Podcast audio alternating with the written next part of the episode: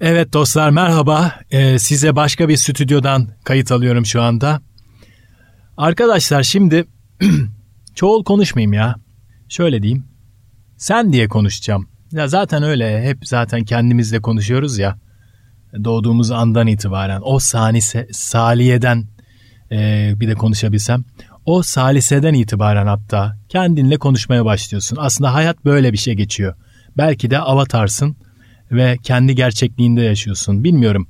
Siz de benim gibi kafayı kıranlardan mısınız o dönemde? 90'lar ve 2000'lerin ilk 10, ilk 10'luk e, bölümünde çıkan filmlerden etkilenen tiplerden misiniz? Ben öyleyim gerçekte.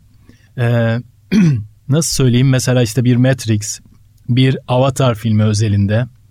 Bunları sorgulatan filmler daha çok arttırılabilir. Sadece film de değil tabii ki. Edebiyat alanında da e, sonsuz kaynak var. Bunlar insanı etkiliyor. Beni hep böyle düşünmeye sevk ediyor. Yaklaşık bir 10 yıl oldu. Zaten hep e, kalem oynatıyorum bir yerlerde. Hem defterde hem e, dijital tarafta.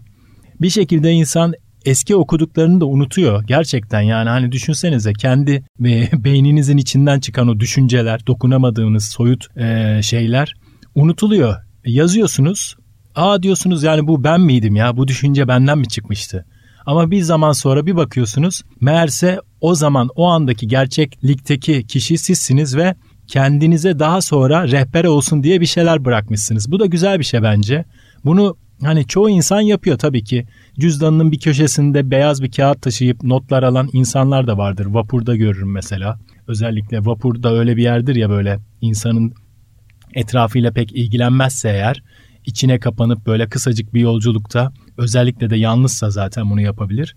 İç temizliğini, ruhsal temizliğini yaptığı bir alan. Yani ben öyle değerlendiriyorum vapur yolculuklarını. Ben o şekilde zamanımı geçiriyorum. Enerjimi oraya yoğunlaştırıyorum açıkçası. Yani dışarıdaki manzarayı izlemek dışında e, beynimde böyle bir temizlik oluyor. Dediğim gibi küçük not kağıtlarına ya da dijitale bir yerlere yazsak da daha sonra bu rehber oluyor gerçekten bize yazdıklarımız o an içinde bulunduğumuz anlık sıkıntılardan veya fazla mutluluk veya iç yükseltici durumlarımız bile olsa kendimizi frenlememize yarayan veya kendimizi o saplantılı halden diyeyim, o fikre saplanmaktan kurtaran bir anahtar görevi görebiliyor gerçekten bu durumlar, bu yazılar. Ben de öyle bir şimşek çakıyor. Dilerim sizde de yansımaları genelde oluyordur. Hayatınızın genel akışında bu şekildedir diye diliyorum. E, neyse lafı çok uzattım. Dediğim gibi ev ortamında her zaman zamanım olmadığı son e, bir aylık dönemde ben de şöyle karar aldım. Her an her yerde bir şekilde dijitalde kayıt yapıp devam ediyorum. Yani demem o ki e, özetle şöyle bağlayayım. İçsel yolculukta e, bir yol arkadaşlığı olarak görelim burayı diye düşünüyorum. Ve paylaştığım her alan benim için öyle açıkçası. Fırsat buldukça her an her yerde e, bu şekilde paylaşımlarıma devam etmek istiyorum. Adreslerim belli zaten. Oralardan isterseniz soru cevapta gidebiliriz. Dediğim gibi bir iç konuşma belgeseli bu. Ruhumuzun tatlı belgeseli misali. Şarkıda geçen sözler gibi. Teşekkür ederim. Görüşmek üzere. Kendine iyi bak. Hoşçakal.